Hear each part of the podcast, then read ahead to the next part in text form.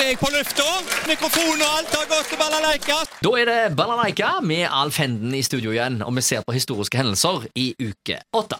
Ja, og jeg begynner med en fødsel fra 1943. George Harrison født. Britisk musiker, gitarist i The Beatles, det vet nok alle. Men han var også vokalist og låtskriver, der han kom i skyggen av John Lennon og Paul McCartney. Det er ikke til å komme fra det.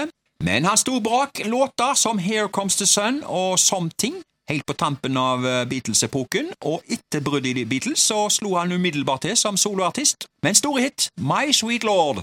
Dessverre så døde han nå, eh, rundt år 2000, eh, George Harrison.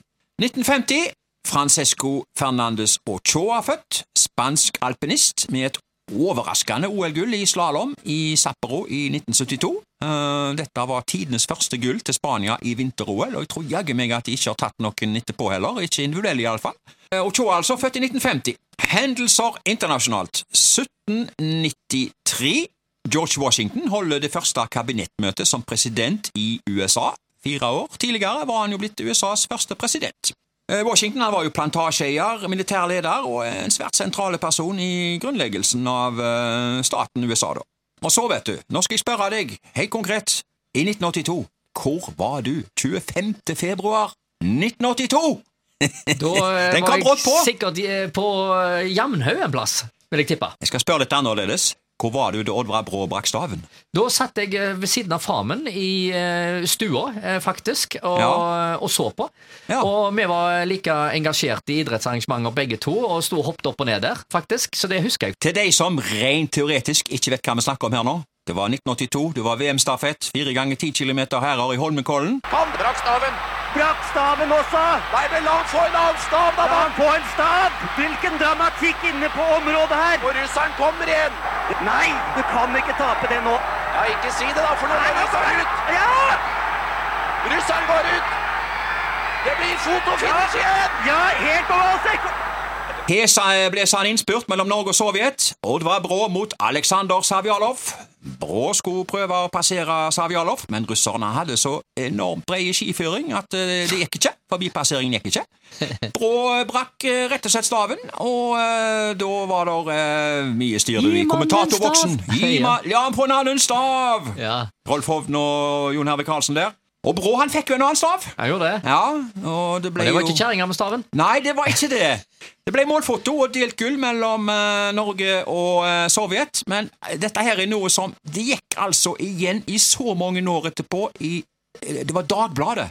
De hadde ei faste spalte som hette Hvor var du da Oddvar Brå brakk staven? Ja.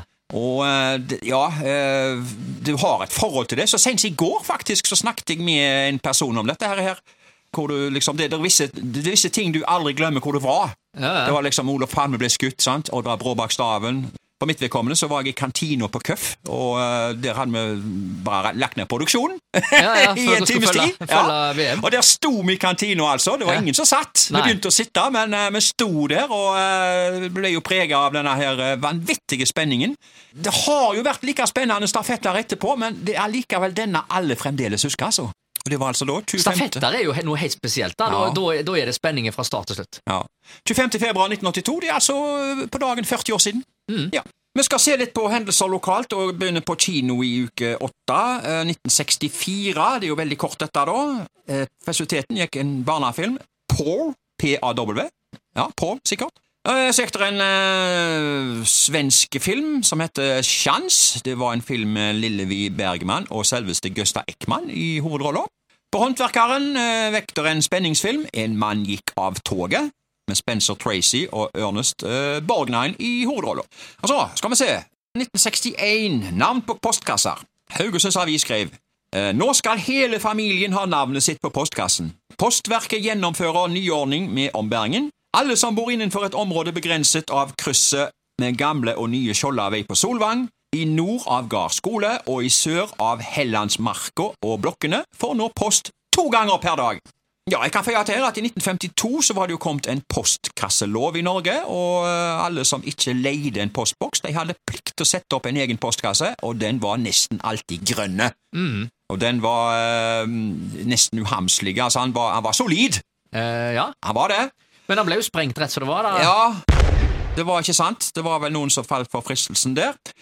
Eh, men altså, antall ganger i uka med postbud det har jo variert opp gjennom årene. Eh, Før var det jo hver dag. Ja, det var Til og med på lørdagen. ja, ja, seks dager i uka. Nå er det vel bare i dag hver dag, og iallfall ikke lørdager. Ja, Ja. ja, flere steder er det vel hver tredje år, holdt jeg på å si, eller en gang i uka eller noe. Ja, Og så er det vel eh, mer eller mindre anbefalt at vi skal ha digital post.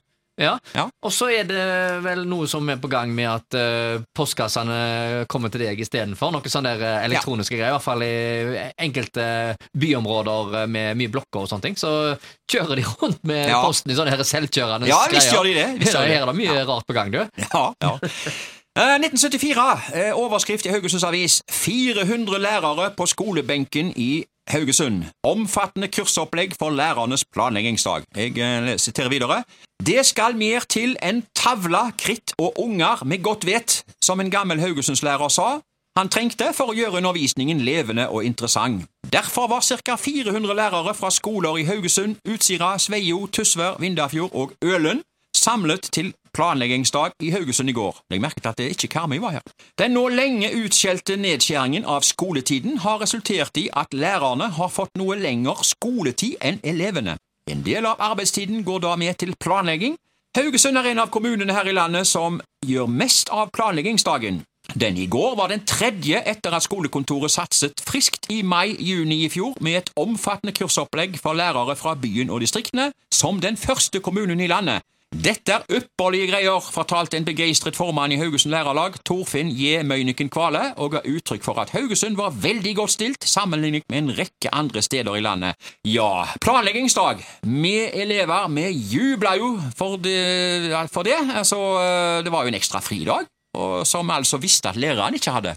De satt og hadde kjedelige møter. Lærerne. Så vi lurte litt på hva de planla på disse her, eh, dagene. Det, Hva har de brukt så mye tid på? ja, uh, de, uh, de må jo ha diskutert en del. Ja, hva, hva annet gjorde de? jeg lurer på, ikke bare lurer på, jeg er skråsikker på at de har drukket kolossalt med kaffe. Det er det det går i, ja? Ja, Så, så disse her lærermøtene, altså, de, eh, det er kaffeslabberas? altså, jeg, jeg, jeg, kjenner en del, jeg kjenner en del lærere. Ja. Jeg treffer en del lærere, og det, jeg, jeg tror ikke jeg har truffet Jeg har aldri satt meg minne med en lærer. Som ikke drikker eh, kaffe? Selv på privaten, da, uten at han drikker kaffe. Nei, nei, nei. Og Og det er- vet, Før i tida så var det ikke bare kaffedrikking, men det var røyking òg. På Ja. lærerværelsene så var det akkurat som å komme inn i ei sånn her skodde. Ja. Ja. Og jeg har også vært på diverse lærerværelser jeg, opp gjennom årene, og eh, det er det der uh, kaffetrakterne som står rundt omkring, de, Ja. eh, de, de, de får ikke stå mye fri, altså. De det, nei? nei, nei, nei. Nei, nei. Så her er det helt sikkert uh, drukket en del kaffe ekstra. Uh, Ja. Kanskje de har diskutert litt grann kursopplegg og litt Ja, ja. skoleoppdrag innimellom her, men, men uh, kaffedrikkingen den har, uh, vil jeg tro, tatt Ja. overhånd, altså. Da er det egentlig bare én ting å spørre om. Ja. Kaffedrikking på lærerværelset! Hot or not? Det kan jo bare være hot. Det må jo være hot. Ja.